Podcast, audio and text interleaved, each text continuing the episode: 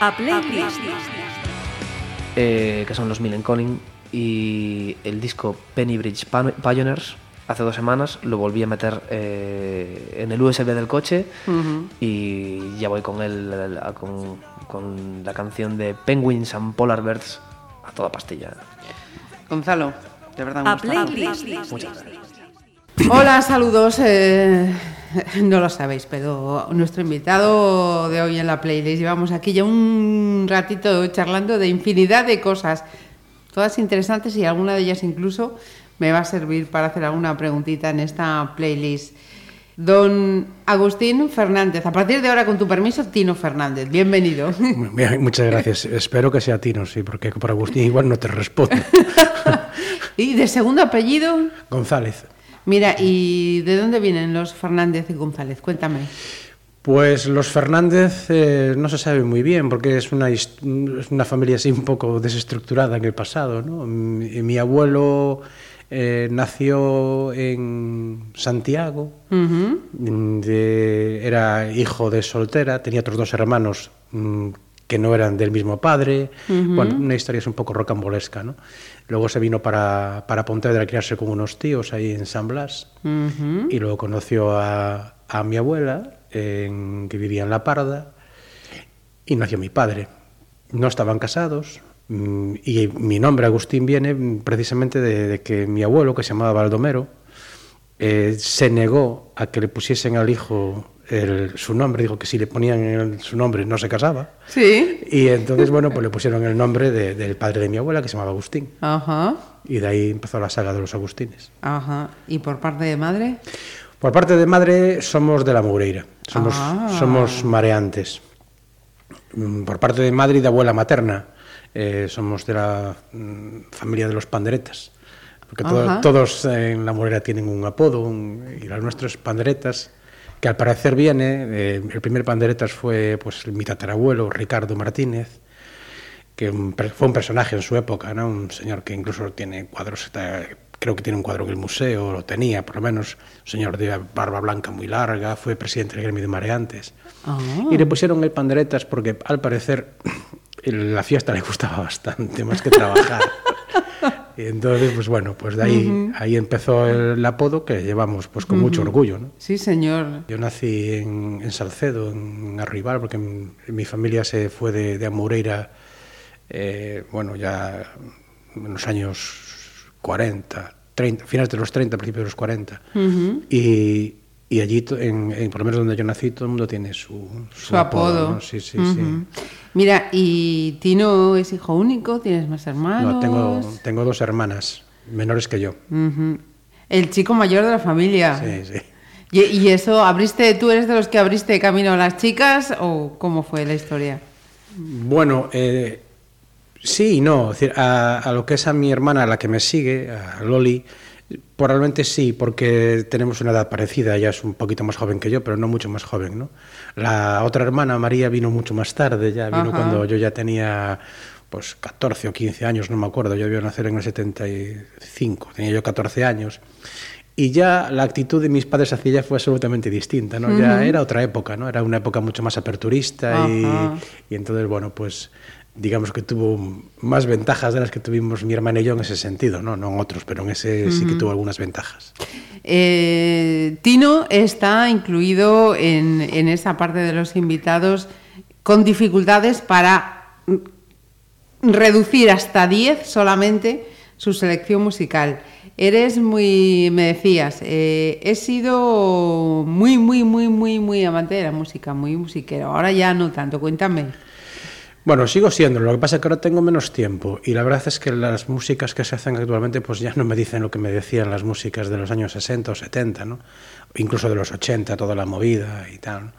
Eh, pero sí he escuchado muchísima música, me he empapado de música, me aprendía los nombres de los grupos, los componentes de los grupos, lo sabía casi todo de, de la música. Ahora ya, bueno, pues ya no, no estoy muy, al, muy al loro de las músicas modernas.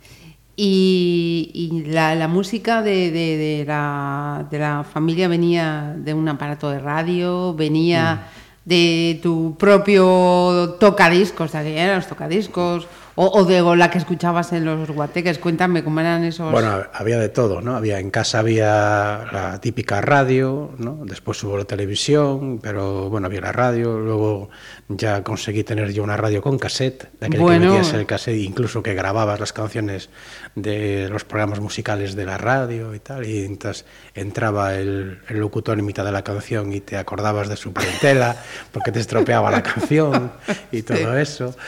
Y luego ya llegó, ya, ya conseguí eh, tocadiscos, ya conseguí comprar mis propios discos, ¿no? ahorrar para ellos. ¿no?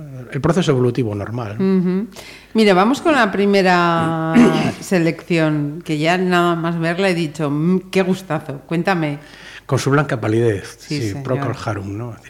Yo te decía que no es una canción por la que siento una gran pasión, pero tiene sus motivos. ¿no? Es decir, yo todavía soy de la época de los guateques y casi siempre las lentas empezaban con, con su blanca palidez o con Noches de Blanco Satén de los Eh, eh, Modi Blues. ¿no? efectivamente. Entonces era un momento muy especial dentro, dentro de la noche guatequera. Entonces, claro, eso te va quedando. ¿no? Venga, pues vamos con ese tema para comenzar la playlist de Tino.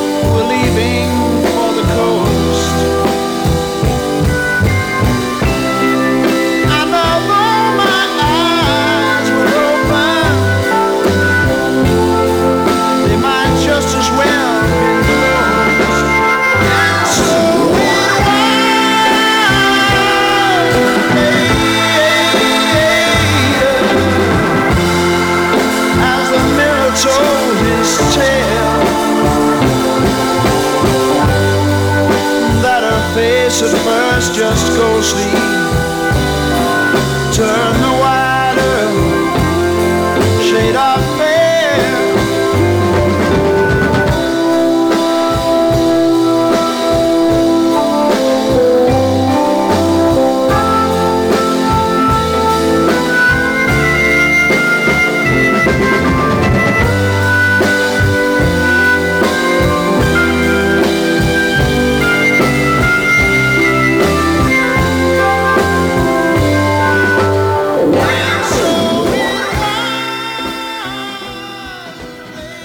Antes de irnos a la etapa de los eh, guateques, me decías que habías nacido en, en Salcedo. Eh, imagino entonces eh, que tu primera eh, formación era en lo que se llamaban las escuelas unitarias, ¿no? Sí, yo estudié, empecé estudiando en, el- en la escuela de la aldea, ¿no? Una escuela unitaria donde íbamos desde los 3 hasta los, no sé, 14 o 15 años, éramos, éramos una auténtica mezcla, ¿no? Luego después ya eh, pasamos, eh, cuando yo tenía 10 años, yo sé, por el año 70, 71, no me acuerdo muy bien, pasamos al- a lo que es ¿no? a los grupos escolares, ¿no? ¿no?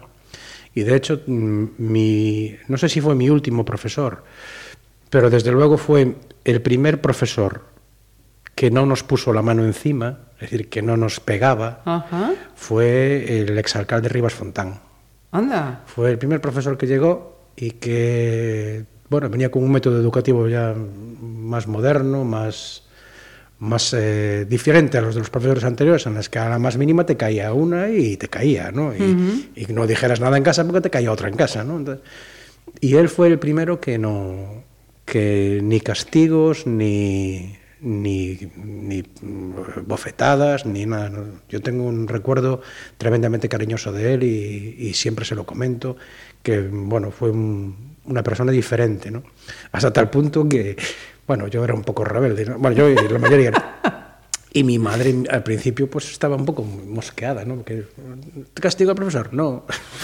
A la, quinta, a la quinta vez que le digo que no, dice, pues aquí pasa algo. y no, no, era simplemente que era otro método de, de, de trabajo, ¿no? Ya más, más moderno, más eh, democrático, aunque estábamos todavía en el franquismo, era en los uh -huh. años 70, 69, 70, ¿no? Y guardo un gratísimo recuerdo de, de Rivas Fontán como, como profesor de TAF. Yo siempre le llamo profe cuando lo veo por ahí. ¿eh? Fíjate, nunca pensé que en esta playlist iba a salir Rivas Fontán en este momento. Pues sí, pues ya ves. Fíjate, casualidades. Sí, sí. Tenía un 5000. Un 5000 ha sido un color blancuzco, no me acuerdo yo muy bien del color, pero tenía, venía, venía a clase en su 5000. Sí, señor. sí. Y, y como estudiante, ¿cómo era Tino? Bueno, fui bastante bueno. Sí, sí, llevé bien la- los estudios, los llevé bien. Luego en la carrera ya me costó un poco más, hubo algún curso que se me atragantó, pero lo que es la, la EGB de aquella y el, el BUP y todo eso lo llevé bien, sin problemas. Ajá. ¿Cómo- Aunque cómo- tampoco era una lumbrera, ¿eh? No era, no, no era de matrículas, pero bueno, yo iba con mis notables y tal. y- Bueno, oye. Iba bien, no, no, no pasaba apuros. Mira, ¿y cómo recuerdas la, la Pontevedra de, de aquellos comienzos de los 70? Pues no la recuerdo mucho, porque no veníamos mucho a Pontevedra, aunque vivíamos a dos kilómetros o tres kilómetros de- del centro, lo que nosotros llamábamos el pueblo, es decir, vamos al pueblo, y el pueblo era venir a Pontevedra, ¿no? Pero no había, no, no la recuerdo gran cosa porque no bajábamos así muy a menudo, ¿no? Las fiestas de la peregrina, con mi padre a ver el teucro, eso sí. ¿no? Mi padre era un seguidor del, del teucro del Pontevedra, era con caracteres diferentes dependiendo del, del tipo de, de deporte, ¿no? Era un tipo muy tranquilo viendo al teucro y muy Exaltado apasionado viendo al Pontevedra, sí, sí. Se enfadaba mucho con los jugadores del Pontevedra y nada con los jugadores del teucro, ¿no? Era- y es lo- el recuerdo que tengo yo de los años 70. No se, baja- no se venía mucho a, a Pontevedra. Bueno, las fiestas de San Roque, que veníamos a visitar a la familia y, Sí. y a- allí por la Plaza de Toros y tal, ¿no? Eh, ¿cómo, ¿Cómo vivió, eh, cómo fue, cómo recuerdas la, llegada de, de, de- Loli en este, en este caso? Eh, Yo tenía cuatro años y no lo recuerdo. O sea, no apareció en casa de repente. No, no, no, tampoco perturbó mucho mi vida porque, bueno, era una vida mucho más, digamos, libre en el sentido de que nos pasábamos mucho tiempo en la calle, uh -huh. no estabas en casa pegado a la televisión porque no había televisión o porque solo había dos cadenas, a cada cual peor, ¿no? Entonces, claro, pues estabas en la calle, jugabas al fútbol, eh, te ibas a jugar a policías y ladrones y esas cosas, pero bueno, eh, digamos que los veranos y las primaveras y parte de los otoños estabas muy fuera de casa, entonces, bueno, pues sí, había alguien más en la familia, pero no me perturbó demasiado, me perturbó más la pequeña. María. María, sí, porque ya me pilló con 14 años. Y ya tuve que cambiar algunos pañales, ya me tuve que ocupar de ella, ¿no? Y ya, ya, sí, ya me costó más trabajo, sí, sí, sí. sí.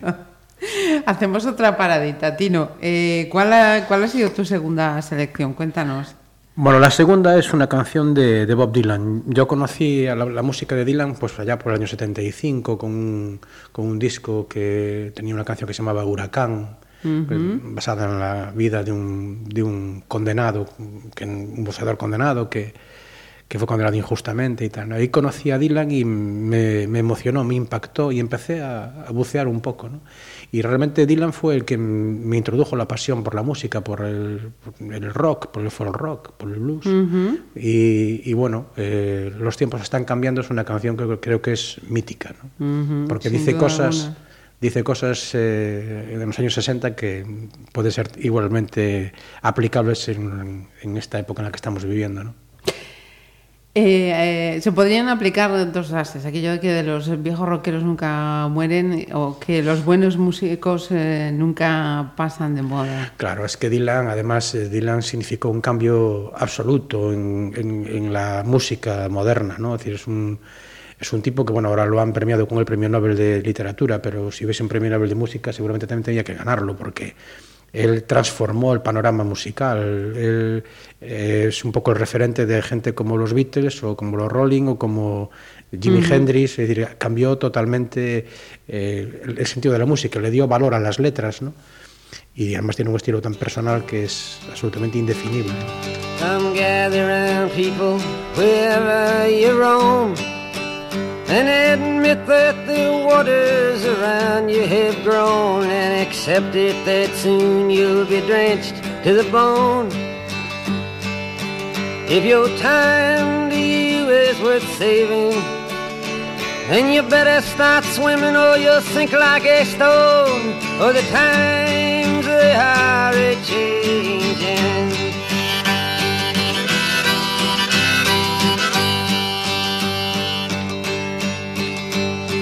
Writers and critics who prophesize with your pen. And keep your eyes wide, the chance won't come again. And don't speak too soon, for the wheel's still in spin. And there's no telling who that it's naming. Was the loser now will be later to win, for the times they are a changing.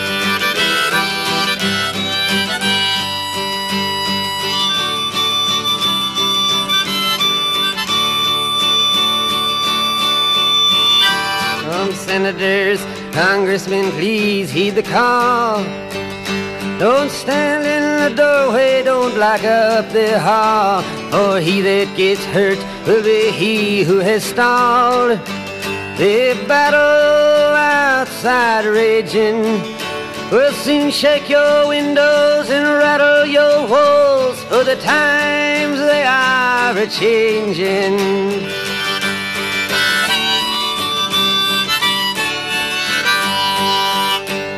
mothers and fathers throughout the land.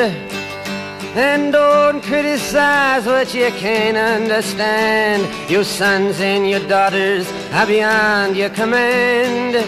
Your old road is rapidly aging. Please get out of the new one if you can't lend your hand. For the times they are a changing.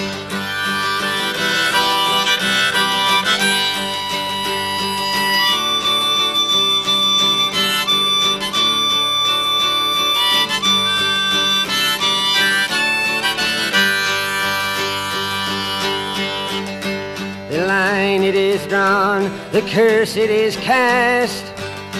The slow one now will later be fast, as the present now will later be past. The order is rapidly fading, and the first one now will later be last, for the times they are a changing.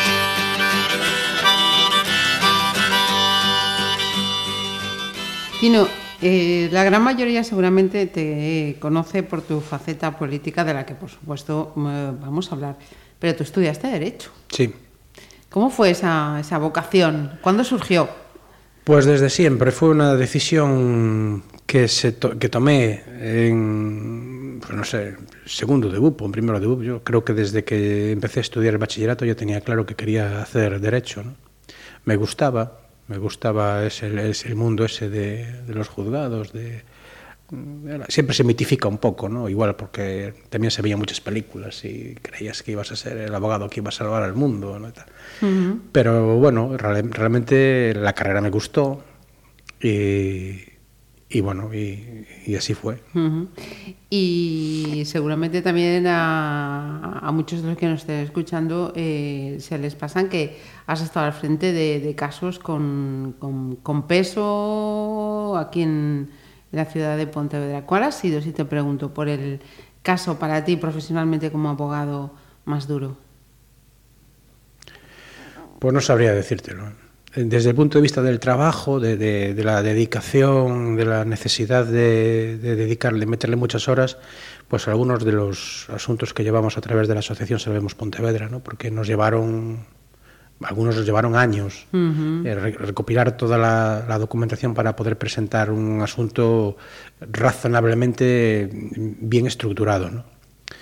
Luego ha habido asuntos, eh, digamos, de otra índole, que algunos que te llegan al corazón, ¿no? y que, bueno, ves eh, casos de personas que lo están pasando mal, de gente que está pues, a borde del desahucio, que tiene, bueno, -huh. situaciones personales muy fastidiadas y que te llegan por allí, que gente que, que no te puede pagar porque no tiene cómo pagarte y bueno, pues cosas que te llegan al corazón. ¿no? -huh.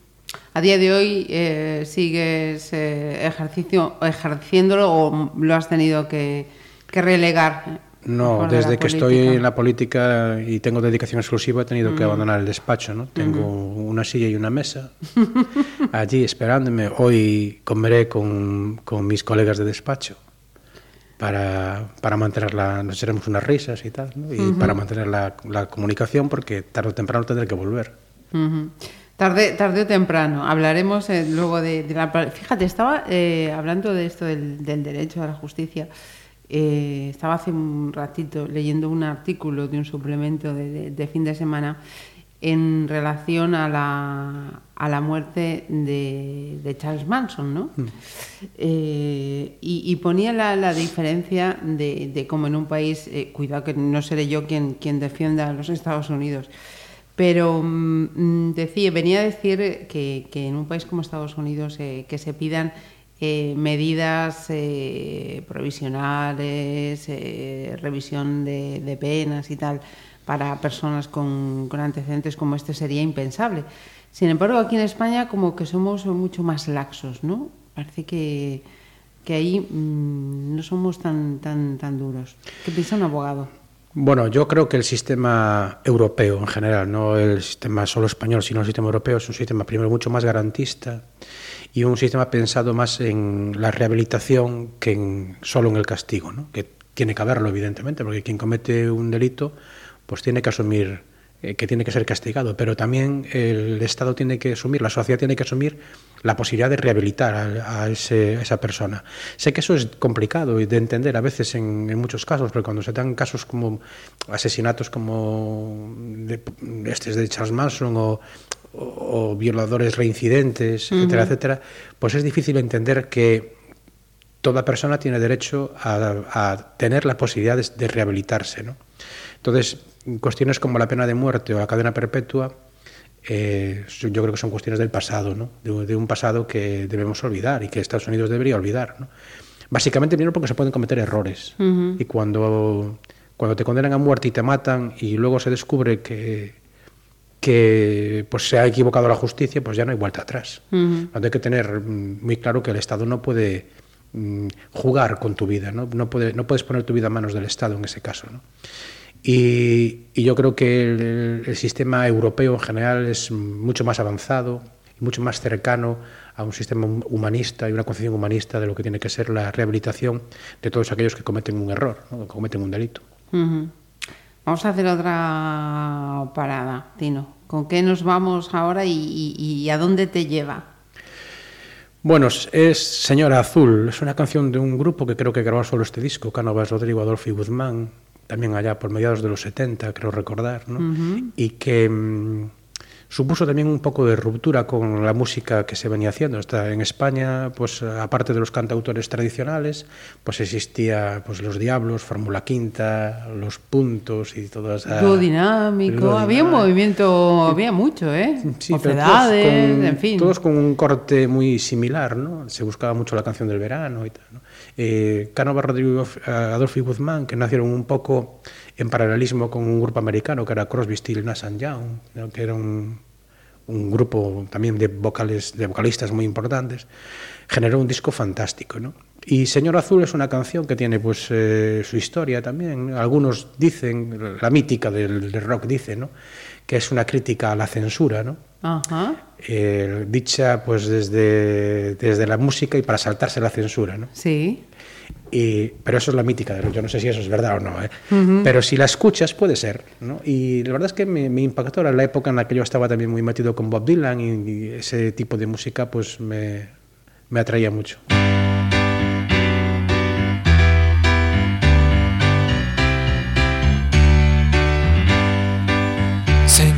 Azul, que sin contemplación, desde la cima de tu dignidad, vas a imponer tu terca voluntad y con tu opinión medir nuestro criterio, Señor azul, que ciega la razón, deja sentir tu olímpico desdén. En su gestión, de saber, tu realidad. Es solo confusión. Tú no puedes apreciar con propiedad el color de la cuestión, porque desde la barrera sueles ver toros que no son y parecen ser señor azul de vicio criticón sin dar la talla de profesional. Señor azul qué lástima nos das. La mediocridad está en tu corazón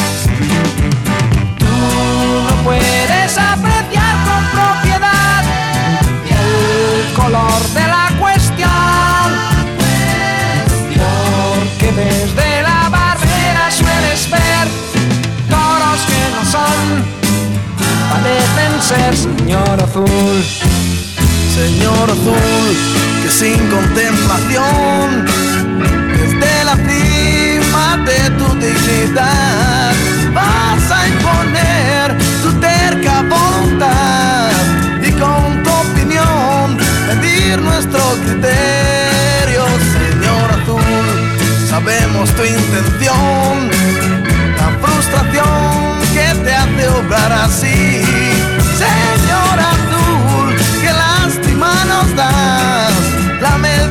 mediocridad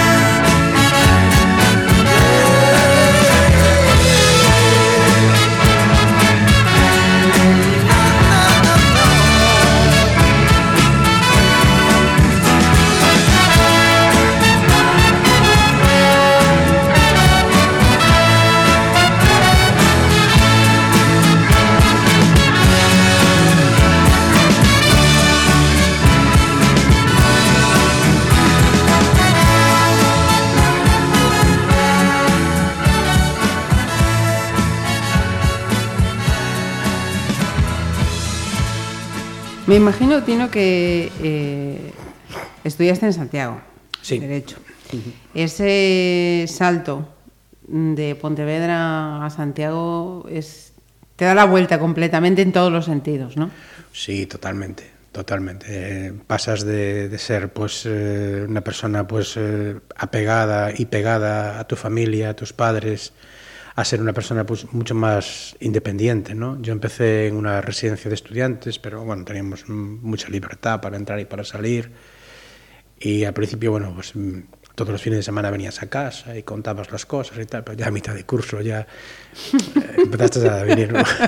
un fin de semana así. Un fin Había de que semana estudiar, no. había que estudiar. Claro, claro, claro. Empezaron, es que hay muchos exámenes y tal. ¿no? Entonces, bueno, pues ya, ya veías la vida de otra manera, ¿no? Y, y, bueno, aprendí, aprendiste o aprendí también lo que es la independencia, el control de la pasta, ¿no? Porque Aquello de que, bueno, tenías dinero, tenías poco dinero, tenías que estirarlo, ¿no? Entonces, bueno, pues había que, que hacer un poco de números. Pues sí fue un cambio radical, un cambio brutal. Y, y es ahí, en ese momento en Santiago, cuando te llega mm, esa mm, llamada, vamos a po- denominarlo así, de la, de la política. Al final de la carrera, ¿no? Eh, durante la carrera eh, hubo momentos convulsos, eh, hubo- había mucha zozobra entre los estudiantes y había huelgas, había una presencia muy importante de- del movimiento comunista revolucionario, la Liga Comunista, bueno, estaban, tenían mucha mm, presencia en la universidad, ¿no? Pero no, nunca mostré excesivo interés por eso hasta que, bueno, al final de, de mi carrera conocía gente vinculada sobre todo al mundo sindical Ujú. y yo entré en la política a través del, del mundo sindical. Empecé a colaborar con, con el sindicato, con UGT, Ujú. y a partir de ahí, pues bueno, pues ya mi vida se fue deslizando por ese camino. Luego, bueno, probé unas oposiciones para la Junta de Galicia, para, para la función pública, y, y me dediqué todo el tiempo que tenía, pues me dedicaba pues a echar una mano en el sindicato, y de ahí luego di el salto a la, a la política, ¿no? Ujú. Y Bueno, di el salto está mal dicho. ¿eh? Me, afi- me- me afilié al Partido Socialista. Lo de la política vino mucho después. Ujú. Lo del eh, Partido Socialista, eh, ¿por qué? Porque en, en ese, en aquel momento, en esa, eh, digamos, eh, parte de ideología de, de izquierdas, pues el, el movimiento había gente que comenzó mm, pues, en el Partido Comunista y hoy son eh, militantes y cargos públicos del Partido Socialista y, y- y- bueno, al revés, al revés es, es mucho más, mucho más complejo. Pero, mm, ¿por qué el Partido Socialista? Bueno, si le preguntas a mi madre te dirá que, que eso va en la sangre, porque, porque en la familia siempre hubo personas, eh, incluso tuvimos gente perseguida ¿no? y encarcelada y vinculada al movimiento socialista, ¿no? bien a través del mundo sindical, los gremios obreros, como a través del propio partido. ¿no? Entonces, bueno, aunque durante esa etapa oscura en casa se hablaba poco de, de política, De porque bueno, porque, porque había miedo y temor, ¿no? Y la familia había sido castigada durante la represión franquista y eso queda en el inconsciente, ¿no? ¿Y ¿Por qué el Partido Socialista? Bueno, porque mm, eh, UGT y el Partido Socialista estaban muy vinculados en aquel momento, pero curiosamente yo me afilié al Partido Socialista después de participar en una huelga general contra el Partido Socialista, ¿no? La, huelga, primera, Toma. la primera huelga general del 88. Eh, yo participé, fui piquete. eh, fue una huelga, bueno, relativamente fácil de hacer comparada con otras posteriores, ¿no? Y fue una huelga contra un gobierno socialista, ¿no? Y a partir de ahí eh, se inicia un movimiento, eh, tanto dentro del sindicato como yo creo que en algunas capas de, de la sociedad, de, mm, en el que se ve la necesidad de mm, forzar un poco el cambio de rumbo del Partido Socialista. ¿no? El Partido Socialista, para algunos en aquel momento, estaba entrando en una deriva poco socialdemócrata. Y hubo gente como yo que nos decidimos afiliar porque creíamos que era el partido que podía transformar a la sociedad, pero era un partido que necesitaba también una cierta transformación interna. ¿no? Y eso fue lo que nos llevó a algunos a afiliarnos en aquel momento y a, y a poner nuestro granito de arena. ¿no? Vamos a hacer otra paradita. Nos toca ahora La reina. a Mitica. La reina. sí. Janis Joplin. Sí, ¿Cómo, sí, sí. cómo no? Sí, sí. Para mí la mejor voz femenina de todos los tiempos. Por eso está ahí. O sea, no es.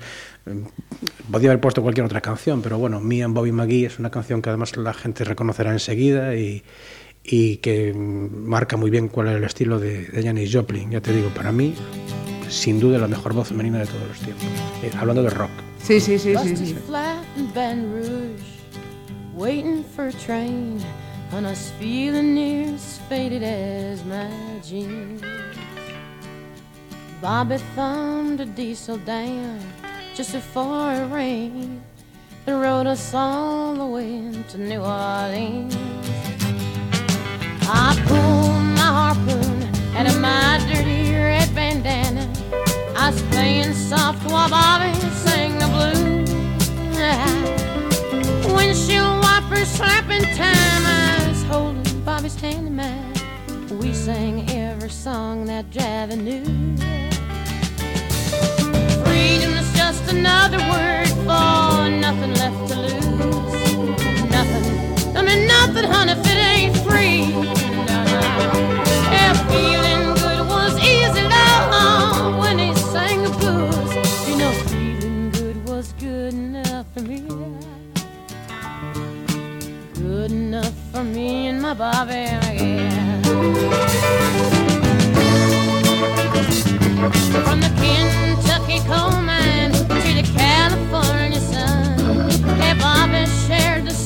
of my soul. Through all kinds of weather, through everything we've done, Bobby, baby, kept me from the. One day I let him slip away. He's looking for that home, and I hope he finds it. But I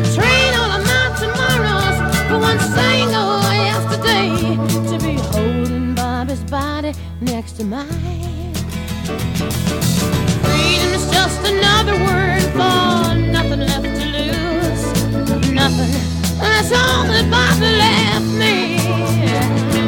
If feeling good was easy down when he sang the blues. Hey, feeling good was good enough for me. Mm-hmm. Good enough for me and my Bobby.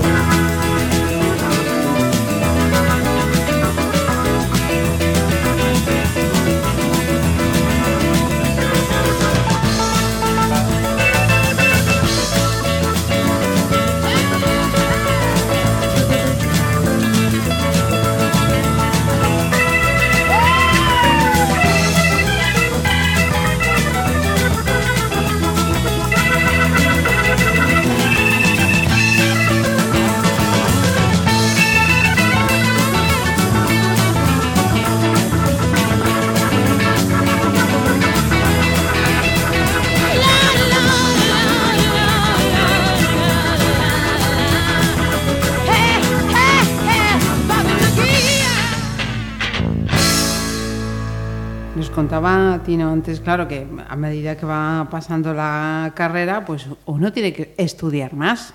Muchísimo más. Tino, eh, ¿cómo, cómo era la, la vida festeira de, de estudiante en Santiago? Aunque tenías que estudiar mucho. Sí, a ver. Te voy a hablar de oídas. De oídas. De oídas. Yo nunca participé en esas cosas. Bueno, eh, los años 80, que fue la época en la que yo estudié la carrera, eran unos años bastante locos. Había una efervescencia en todos los sentidos enorme, ¿no?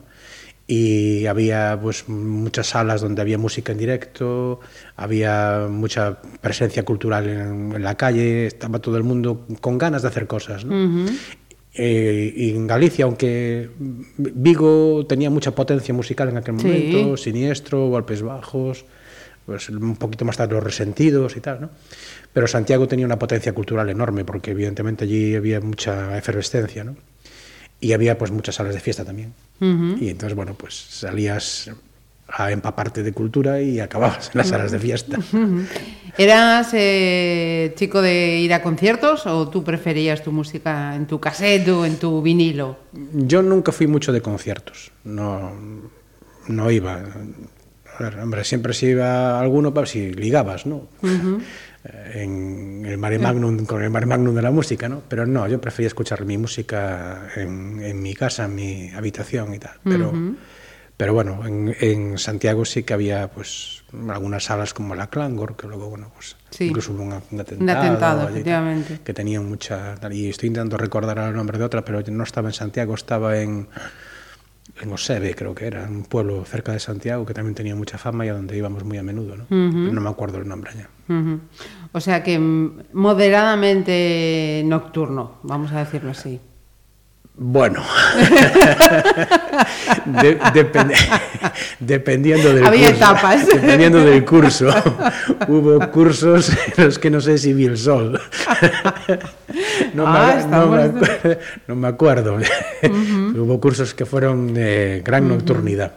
Porque se estudia muy bien de noche, ¿eh? no por otra cosa. efectivamente, lo comparto totalmente. sí, Yo era de estudiar de noche, total y Yo absolutamente. también. Yo era de noche.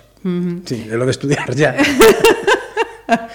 Mira, y como decía, mm, creo que era mm, Carlos Mejía Godoy, llena asunto de mujeres, ¿cómo te iba la vida? Va, peor de lo que se, se cuenta. ¿eh? Hay mucha mítica también con eso. ¿eh? Uno llega a Santiago, estudiante y tal, y se cree que se va a comer el mundo. Nada. Ah, hombre, algo hubo, ¿no? Pero menos de lo que uno deseara. Eh, mira, vamos a... Pero es que Ah, dime, todos, dime, dime. todos mentimos con eso. Es decir, yo estoy ¿Sí? siendo muy sincero, porque todo el mundo en Santiago te dice lo mismo. "Oh, aquí, uf", nada de nada, ¿eh? Se mojaba lo justo. Sí, sí. Mira, tú resulta que los vascos eran los que eran y son los que llevan la fama de que allí lo de ligar, vamos, ni, ni de coño y resulta que... Pues si están peor que nosotros. Venga, vamos a hablar de después de otra paradita eh, musical que nos vamos a ir ahora con... Déjame, de los secretos. Esto ya es No hay nada que decir, 80, claro, decir, claro. claro, es, eh, se pueden elegir muchas canciones de los años 80, ¿no? Pero Déjame eh, se transformó casi en un himno para una buena parte de nosotros, ¿no? Y, y bueno, tiene un- ese, ese cariño de, esa- de las cosas que se ven con nostalgia, ¿no? De- y bueno, pues puede haber, podía haber puesto alguna de Loquillo alguna de Gabinete Caligari y tal, Qué pero Déjame tiene ese toque especial de la nostalgia, ¿no? Pues vamos con ese toque nostálgico.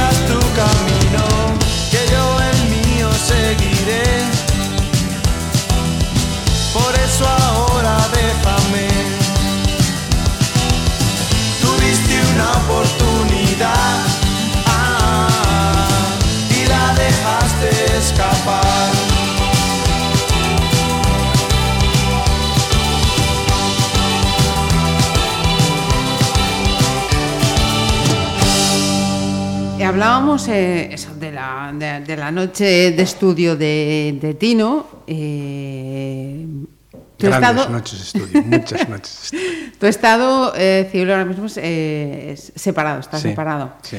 Y, y tienes eh, dos criaturas Dos cachorros, sí. de... De 24 él y 18 ella. Son, o sea, ya, ya has pasado lo, lo complicado. ¿Tú crees? No sé, no soy madre, no, no soy madre, no te puedo decir. No, nunca te puedo decir. A ver, hay que ser sincero. ¿Cómo nunca se llaman, por eh, cierto? él- él se llama Agustín, para mantener la saga, y ella se llama Alicia. Ajá. Pero nunca lo tuve complicado con ellos. ¿eh? No, eh, los estudios los mm, van llevando eh, como, como pueden, y tal, pero a nivel personal, de calidad humana, son dos personas fantásticas. ¿Hacia dónde eh, se decantan? Pues mira, él está estudiando arte dramático en la ESAC en Vigo Ajá. y ella está ahora en segundo de bachiller. Parece ser que si no cambia de idea de aquí a final de curso quiere estudiar filología inglesa. Se le da muy bien, se le da muy bien el, el inglés y, y parece ser que quiere estudiar eso, pero bueno, es la volubilidad de los jóvenes es que igual dentro de un mes quiere estudiar cualquier otra cosa. historia contemporánea, no lo sé. no lo sé. Ujú. Y me- Tino los adoctrina, les dice, mira que por aquí las cosas no van bien, mira que igual tiene más... Yo lo intento, pero en cuestiones de, en cuestiones de estudios, eh, pues eh, la verdad es que poco, porque uno tiene que estudiar lo que, lo que quiere. ¿no? De hecho, cuando, cuando Gus, bueno, mi hijo, ¿no? Eh, acabó bachiller, llegó a casa un día y nos dijo a su madre y a mí, quiero hacer arte dramático. Sí. Yo quiero, hacer, yo quiero estudiar arte dramático porque a mí es lo que me gusta, no sé qué y tal. Y bueno, él estaba, él estaba en grupos de teatro y tal, pero no, no teníamos nosotros pensado en ese momento. Y entonces, bueno, pues la madre dijo, "Ah, pero ¿cómo vas a estudiar eso? ¿Pero eso, eso qué es? Eso, Sí, claro. Eso, eso es Primero el- estudia y luego ya... eso es el hambre y tal. tal. y yo le dije, ah, no te preocupes, no te preocupes, porque entré en la página de la SAD y miré Sí. que, bueno, que es, hay números clausus, ¿no? Que solo Ajá. entraban 30 y había 170 eh, anotados, matriculados como él para hacer el proceso. Le dije, ah, no te preocupes, este va, carga y luego Sí. ya haga la selectividad. Pues aprobó. Hacha. Iba a decir una palabra fea, pero él... No te a- a- cortes. bueno, pues, eh, Con dos pues, narices. El cabrón aprobó. O sea, o sea, llevó todo la, toda la, el bachiller a trancas y barrancas y llega el examen de, de acceso a, a la ESAD y lo quita, pero saludando al tendido. Creo que quitó el número 10 o 11, una cosa así. Caramba. Y claro, nos dejó sin argumentos y bueno, pues eh, lo está llevando muy bien y estamos muy contentos. Eh, a Tino le cambió mucho la perspectiva de la vida cuando llega la primera criatura. Sí, El- los hijos te cambian totalmente la vida. El- cuando nace un hijo es como si naciese un pequeño dictador, porque ya toda tu vida gira en torno a él, ya no tienes vida propia, ya no solo es que dependas de las tomas de biberón, y te- no, no, es que a partir de ahí toda tu vida va a girar en torno en torno a sus necesidades, ¿no? Como, y a medida que va creciendo, Ajá. va teniendo más necesidades, ¿no? O, Sí. o le vas añadiendo más necesidades, te, te preocupas por sus estudios, le buscas pues eh, algún tipo de deporte que, que le guste, que a veces no es fácil, a veces van pasando de uno a otro hasta que encuentran el suyo, ¿no? Eso, Gus pasó por medio docena de deportes hasta que encontró el balonmano, ¿no? Fíjate tú. Y, y- pero mm, la vida cambia más con el segundo hijo todavía, ¿eh? Sí, sí, sí, sí, ya el segundo hijo ya es, eh, bueno, Fíjate, he, he escuchado versiones de todo. He escuchado quien dice, bueno, luego ya a partir del segundo ya va todo rodado, ¿no? Es como que ya vas con el primero, estás ahí pendiente, pendiente, pendiente, pendiente, pendiente, y luego ya el segundo es como que ya... Sin embargo, No. me dices lo contrario. Yo creo que, ah, bueno, no- por lo menos Tu experiencia, en mi, en mi claro. caso, claro, cada, uno lo ve de, un- Sí, sí, de una sí. manera, ¿no? Es decir, yo siempre digo que si, si Gus hubiese tenido cuando nació la mala leche de Ali, eh, hubiese sido hijo único, ¿no? Porque Gus fue un santo, fue un, un bendito, o sea, era comer y dormir y reír, ¿no? Solo hacía comer, dormir y reír, ¿no? Eh, Ali eh, comía reía poco y dormía nada. Pero durante años estuvo sin dormir nada, ¿no? Era un, un estrés, ¿no? Y, y bueno, ¿no? Ahora todo lo cariñosa y todo lo que es eh, alegre que es ahora no lo fue de pequeña, ¿no? Entonces, Qué bueno. eh, el trabajo se redobló, ¿no? Afortunadamente fueron niños sanos, ¿no? Que esta otra cosa que, que hay que, hay que valorar. ¿no? Eh, pero sí que de repente tu vida sufre un, un cambio radical, ya no dependes de ti, dependes de las necesidades e incluso de, los caprichos de ellos. de, de ellos, sí, sí. Y, ha, y ha habido que me ha dicho a mí, hasta musicalmente, me cambió también la llegada de, de los hijos. No sé si en el caso de, de Tino también. No, yo soy más impermeable. decir, yo la- Al revés. La música, que, la música que escuchan ellos no soy capaz de soportarla, de reconocerlo. ¿no? Es decir, han, han pasado por diversas fases. ¿no? Eh, el chaval Gus es más, más musiquero que, Que que Ali, sí. Ujú. Eh, pero no compartimos para nada. ¿no? De hecho, Gus estuvo en un, tocando en un grupo, bueno, ahora toca también la batería por ahí con los amigos y tal, ¿no? pero sí tocó en un grupo que tenía un nombre muy...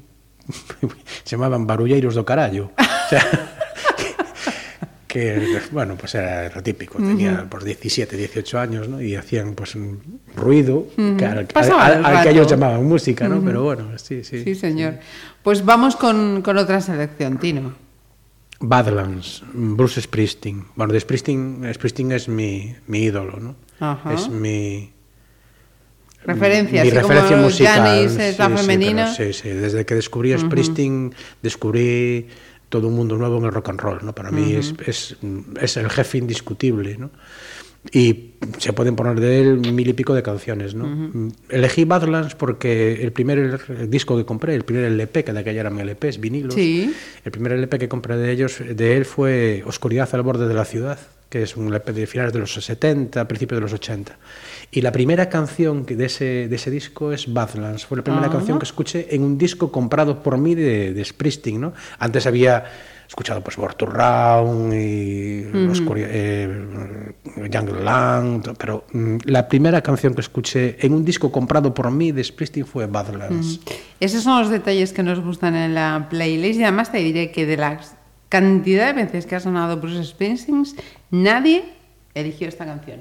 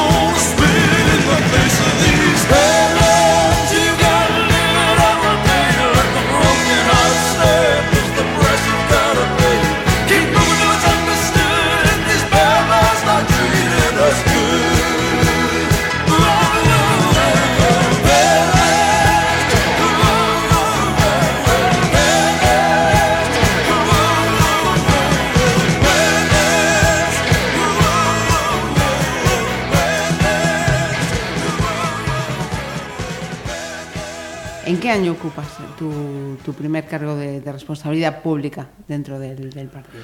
En el 95. En el 95 ya era yo un poco pipiolo todavía y las cosas venían muy mal en política. En aquel momento estábamos inmersos en una situación complicada dentro del Partido Socialista a nivel global. Pues los GAL, Filesa, todo, todo eso. No estábamos pasando por nuestro mejor momento y la ejecutiva en aquel momento tenía que elaborar una lista para las municipales Eh, yo era bastante más joven que ahora, evidentemente, 30 y, 30 y pocos, ¿no? Y llevaba ya tiempo, años colaborando con el partido en cuestiones jurídicas, echando una mano. Y me vienen, me vienen a buscar y me dicen, oye, mira, que queremos ponerte en la lista y tal. Y yo le digo, pero yo es que yo de esto no entiendo nada. Y me dice, ah, no te preocupes. Pero vamos a poner de número 5, no hay problema ninguno porque vamos a sacar tres de aquella. pero salimos cinco. Mm. E así empezou mi vida política, ¿no? un pouco mm, por casualidad, porque no se, no se pensaba ¿no? Que, que el resultado fuese tan, tan importante en aquel momento, dadas las dificultades. ¿no? Y estuve del 95 al 99. Uh -huh. Fue eh, el mandato de Juan Luis Pedrosa sí. como alcalde. Uh -huh. Y como portavoz estaba Tito, ¿no? Tito estaba- No, estaba Miguel Montero. Miguel, Miguel era... ah, Sí. Tito fue Tito posterior. fue antes y fue después. Ajá. Sí, sí. Ujú. Estábamos antes de ponernos eh, esta parte que estáis eh, escuchando todos, precisamente estábamos hablando de, de Montero en su faceta como fotógrafo. Como fotógrafo, fantástico. Por ¿no? cierto, saludos. Miguel, algún día te queremos aquí, eh, que lo sepas. Pero llega el día que sea, no llegues una semana antes. Eso no vamos a decir, porque él, él ya lo sabe. Él sabrá, él sabrá. Sí, señor. ¿Y cómo, cómo vives esa, esa legislatura? Que tengo que decir también, voy a compartir también esa parte de personal. Fue también mi primera legislatura aquí en, en Pontevedra. Pues fue apasionante, ¿no? Porque pasaron muchas cosas, ¿no? Pasaron, fue un, un mandato donde pasaron muchas cosas, donde hay que reconocerle a, a Pedrosa que hizo un esfuerzo por Pontevedra que no supo vender. Eh, y, y luego, bueno, había una efervescencia social enorme, eh, se, se mascaba el cambio de ciclo. Hubo manifestaciones muy importantes en Pontevedra porque hubo ataques a Pontevedra muy, muy importantes que, bueno, que luego pues el BNG rentabilizó mejor que nosotros, pero, pero fue una etapa de mucha efervescencia, es decir, el movimiento vecinal tenía una potencia enorme, eh, estaba muy bien estructurado. Eh, yo no quiero mm, ser malévolo, pero no tiene nada que ver con el movimiento vecinal de hoy en día. ¿no? Era un movimiento Sí, la división ha sido su gran enemigo. Sí, sí, además el movimiento, era un movimiento vecinal que realmente representaba a un colectivo importante de vecinos, es decir, eran asociaciones de vecinos que tenían cientos de socios, ¿no? Entonces, o de asociados, ¿no? Y se vivió una etapa muy, muy importante que, culminó con un cambio político que, todavía se mantiene. Un momento también eh, dulce. Luego han venido también más momentos eh, dulces para, para el partido, con situaciones, si no iguales, también algo parecidas, ¿no? O sea, que decías, vamos a sacar a tres y resulta que llegamos eh, a cinco. Con el tiempo también se han reproducido momentos así y, y al revés. Pero hablabas, fíjate, de, de una cosa, de eh, Juan Luis eh, Pedrosa, que por cierto, también vamos a aprovechar para, para decir que nos alegramos muchísimo de que se haya recuperado Por supuesto, un saludo muy, muy fuerte y muy cordial para de Juan ese Luis. último achuchón que, que ha tenido. Eh, sí que es cierto que mm, el movimiento eh, vecinal eh, también fue el que mm, impulsó en gran medida su, su caída, ¿no? Aquella gran manifestación del, sí. del 5J. Pese Sí. que, había, que hizo cosas que, que son el germen de lo que tenemos hoy.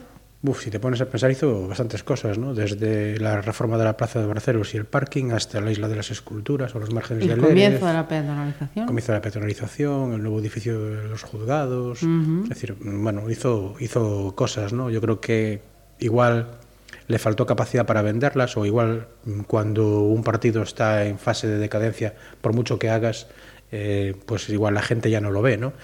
Pero sí es cierto que el movimiento vecinal es otra cosa que también se puede decir eh, era tremendamente reivindicativo y tremendamente crítico, ¿no? Mm, Como debe ser cualquier movimiento vecinal, ¿no? Y eso es algo que yo también he hecho en falta ahora, ¿no? He hecho en falta un movimiento vecinal mucho más crítico eh, hacia, hacia los partidos políticos y hacia los gobiernos, ¿no? Noto poca crítica, noto poca capacidad de influencia sobre las decisiones de, de los gobiernos, sobre todo del gobierno municipal. Y creo que eso es, mm, es un error y es un defecto que, que se debería corregir, porque los vecinos están para ser críticos. ¿no? Desde la construcción, ¿no? O sea, no ser crítico porque sí, sino ser crítico porque cuando las cosas van mal o cuando se están haciendo mal, pues alguien tiene que decírtelo, ¿no? Yo le recordaba al alcalde en el pleno de los presupuestos del año pasado, ¿no? le decía que en la época de los romanos, eh, los generales, cuando llegaban de las victorias, siempre tenían a su lado un esclavo que les, les susurraba al oído, memento mori, ¿no? recuerda que eres mortal. Yo creo que eso falta, que eso en el movimiento vecinal falta quien nos recuerde a los políticos que somos mortales, es decir, que nos equivocamos. Uh -huh. Y eso hoy en día pues no, no se aprecia mucho en el movimiento vecinal y creo que es un, algo que se debería recuperar. Paradita musical. Venga, ¿con qué vamos? O con guitarras. Yo, eh, dentro de lo que es la música, aparte de Springsteen y su rock and roll, hoy me encanta la música de las guitarras. ¿no? Y dentro de las guitarras, evidentemente, Eric Clapton es un, es un fenómeno. ¿no? Es algo, decía, creo que era Jimi Hendrix, que eh, hoy he visto actuar a Dios o algo así, decía, de, de, de, De Clap- de Clapton. ¿no? Hay una, mm, eh, había un grupo que se llamaba La Banda, que, que era el que actuaba con Bob Dylan, eh, que, eh, bueno, que grababa el disco con Bob Dylan y que se retiró en su momento, se retiró de la música y se grabó una película que la grabó, la, la dirigió Martin Scorsese, que se llamaba El último vals. Ajá. Y es todo, pues, es, es la, la, la película es eh, el concierto, es el último concierto donde actuaron todos aquellos eh, personajes musicales con los que la banda había tenido algún tipo de contacto, ¿no? Pues Van Morrison, Johnny Mitchell, Neil Young, Bob Dylan y también Eric Clapton, ¿no? Y ahí en esa, en esa actuación Eric Clapton tocó esta canción que yo en inglés, que es, mm, es Farther Up, on the Road, algo así, ¿no? Alicia, no se lo tengas en cuenta, ¿eh? No, por favor.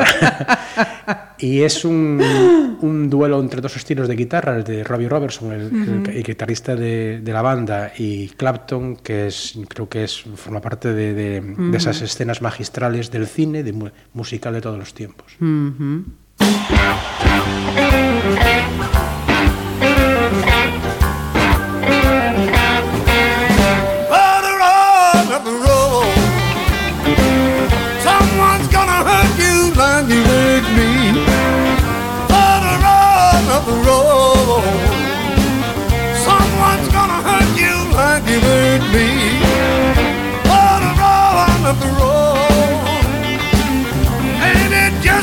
Wait and see? You gotta reap just what you sow. That old saying is true. You gotta reap what you sow. You gotta reap just what you sow. That old saying is true.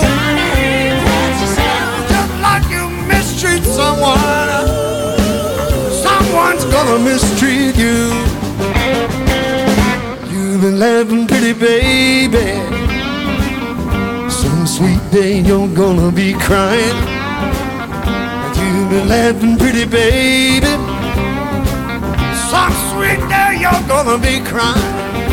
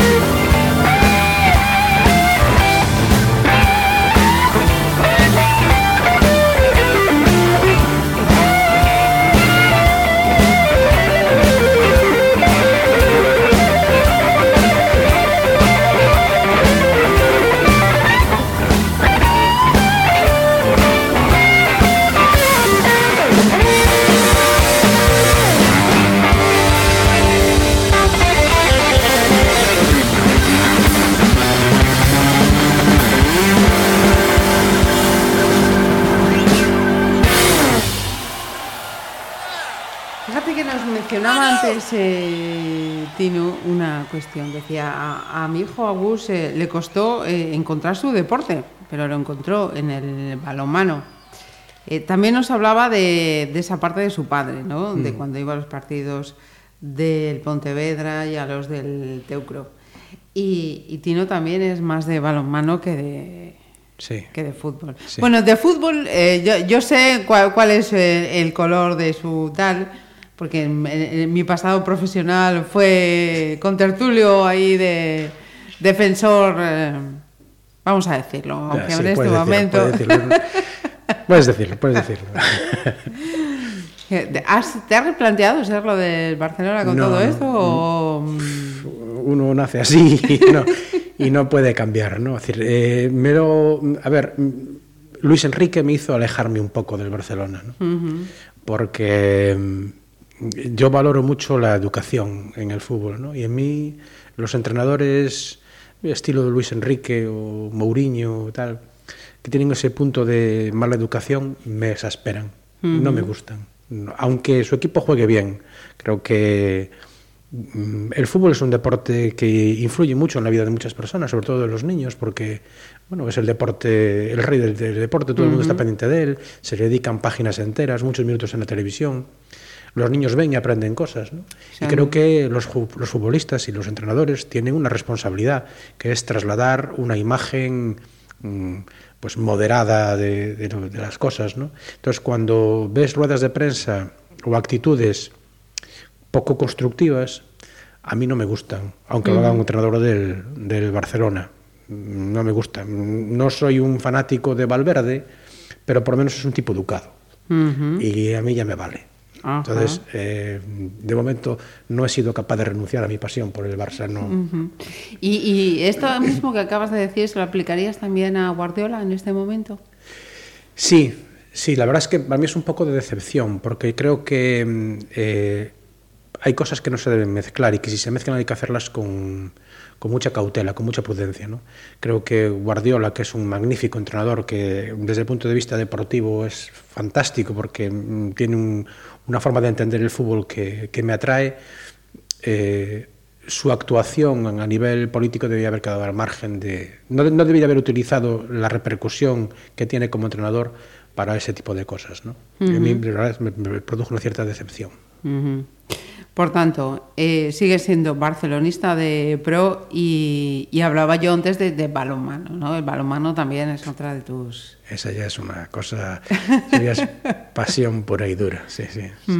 El Teucro es como mi otra familia. ¿no?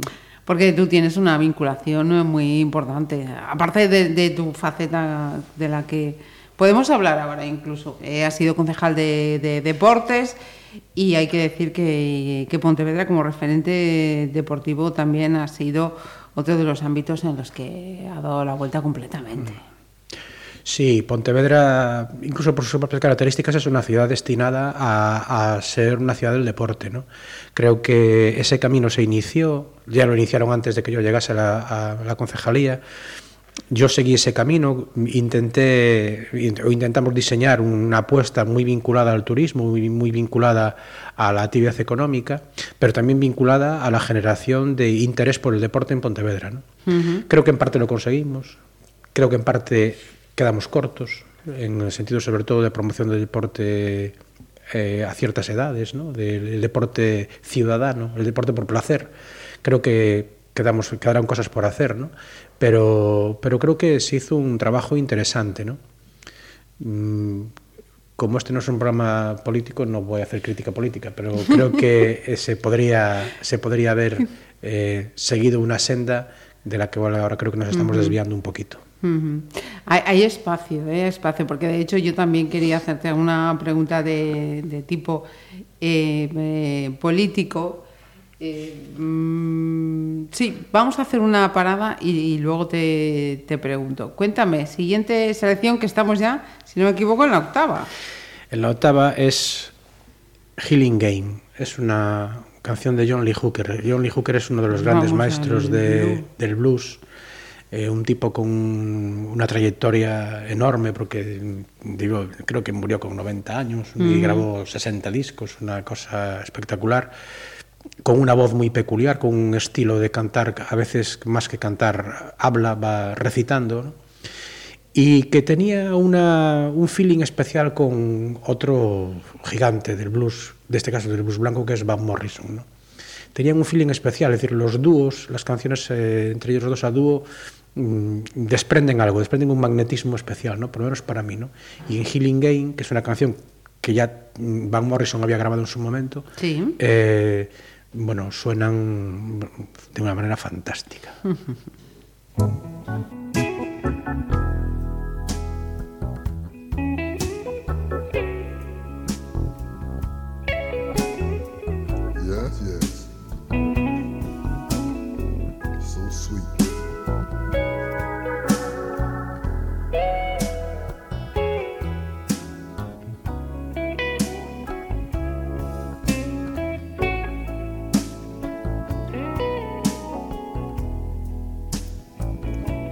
again. Back on the corner again.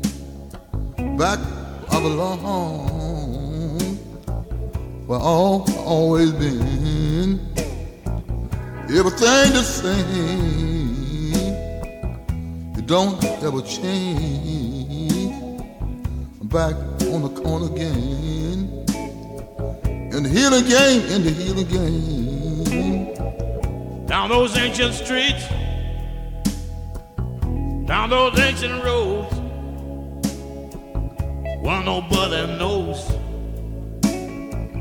one nobody goes. Back on the corner gate, everything the same. It don't ever change. In the healing game. What a homeboy sang, singing songs of praise for the golden day and the healing game, the healing game. Healing. Sing it out loud, sing it like you're proud, sing it in your name, your name. Sing healing game. Well, the humble sing, sing the songs of praise. How about the golden days?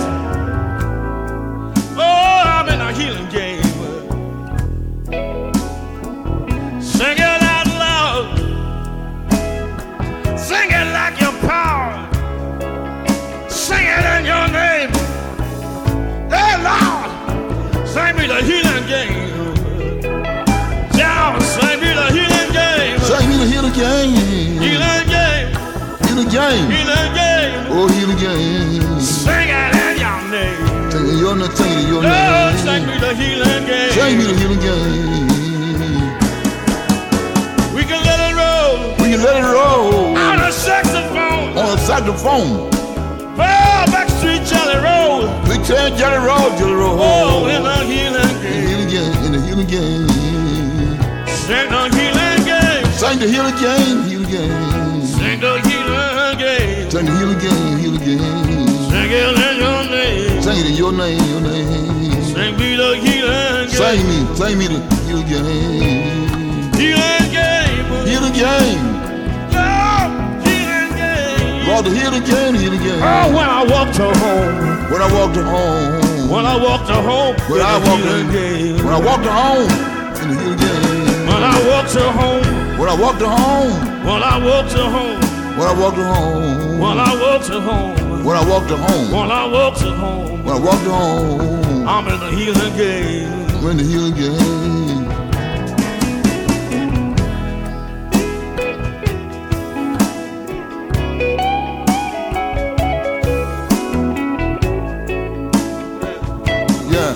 yeah, yeah.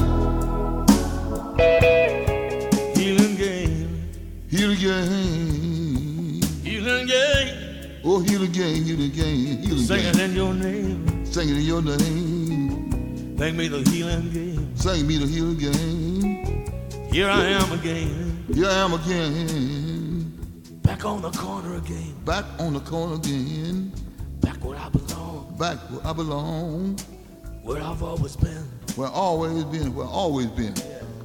Yeah, Everything's the same. Everything the same thing. It don't ever change. You don't ever change, don't ever change. Back on the corner again. Back on the corner again. I'm in the healing game. I'm in the healing game. I'm in the healing game. I'm in the healing game, healing game. I'm in the healing game. I'm in the healing game, healing game. Sing it in your name. Singing in your name, singing your name. I'm in the healing game. In the healing I'm game. in the healing game. I'm in the healing I'm in the healing I'm game. in the I'm healing healing game. game. I'm in the healing game. I'm in the healing No es una entrevista política, efectivamente, es una entrevista así más intimista, de carácter personal, pero claro, mm, teniendo en cuenta eh, vuestra trayectoria vital, hay temas que, que hay que tocar sí, sí o sí. Decías también en un momento en el que hablábamos de esa primera legislatura en que tú llegas al Concello de Pontevedra, que quizá Juan Luis Pedrosa eh, no supo vender todo lo que hizo. Yo, fíjate que esa misma reflexión eh, también se achacaría al Partido Socialista eh, en coalición con el gobierno del BNG eh, en, en el mandato en que Teresa era la, la portavoz. ser la, la pata débil del gobierno, es decir, la- el grupo minoritario, tiene, se, paga- pagas un peaje siempre. Y, y pagamos un peaje enorme porque, bueno, la figura de Lores eh, se lo come todo, tiene una capacidad innata para vender incluso lo que no hace. Y, nosotros, evidentemente, pues probablemente no fuimos capaces de, de, mm, vender nuestra, nuestro producto tan bien como ellos, eso es cierto, ¿no? Creo que también cometimos errores de carácter interno dentro del propio partido, ¿no? Creo que la salida de Teresa no fue todo lo elegante que tenía que ser. Creo que se hicieron mal las cosas. Yo en ese momento estaba en la nevera, ¿no? A mí me metieron en la nevera Sí. en el año 99 y me sacaron en el 2011, eh, porque, bueno, pues mi línea política en algunas cosas, causas no, no coincidía, ¿no? Aunque con el secretario general que había, que era Cáceres, mantenía una tremenda y muy buena relación.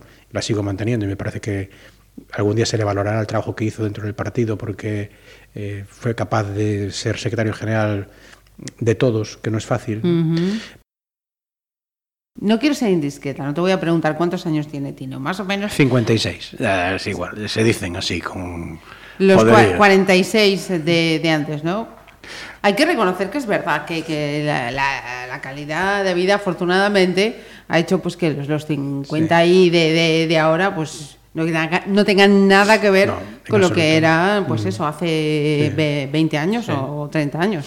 Con lo cual somos unos chiquillos todavía. ¿Qué Estamos, demonios? estamos creciendo. Yo para los lados, pero bueno. Y me decías al comienzo eh, esa faceta política que en algún momento dejaré. De momento, eh, a medio, largo plazo, ¿y, y- y qué le gustaría todavía hacer a, a Tino? Bueno, en el Partido Socialista no se puede hablar mucho de largos plazos, ¿no? Porque tenemos una tendencia natural al cainismo que es eh, brutal, ¿no? Eh, llevamos ahora metidos un año en elecciones primarias y, y está pasando de todo en esas elecciones primarias. Por lo tanto, no sé cuándo acabará mi, mi vida política, en- porque me queda un año y pico de mandato en el Concello, que pienso agotar pero no sé si el partido va a decidir que yo sea candidato, si van a pensar en otro candidato, si yo mm, tampoco tengo decidido si yo me voy a postular o no me voy a postular porque falta mucho tiempo, ¿no? A mí lo que sí me gustaría es eh, dejar al Partido Socialista en una mejor situación que, que me lo encontré. ¿no? El partido estaba, bueno, que me lo encontré es una, no, mejor que nos encontramos, porque eh, es una cuestión más de equipo que de persona. ¿no?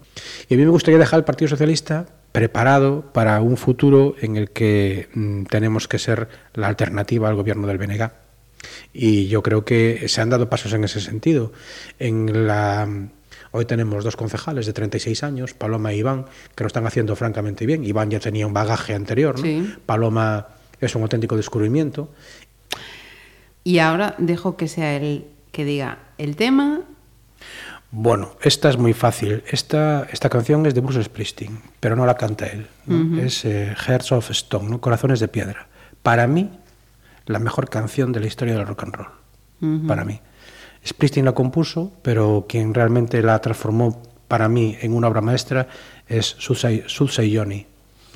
Eh, es una canción absolutamente redonda. Mm, para mí, la perfección como canción.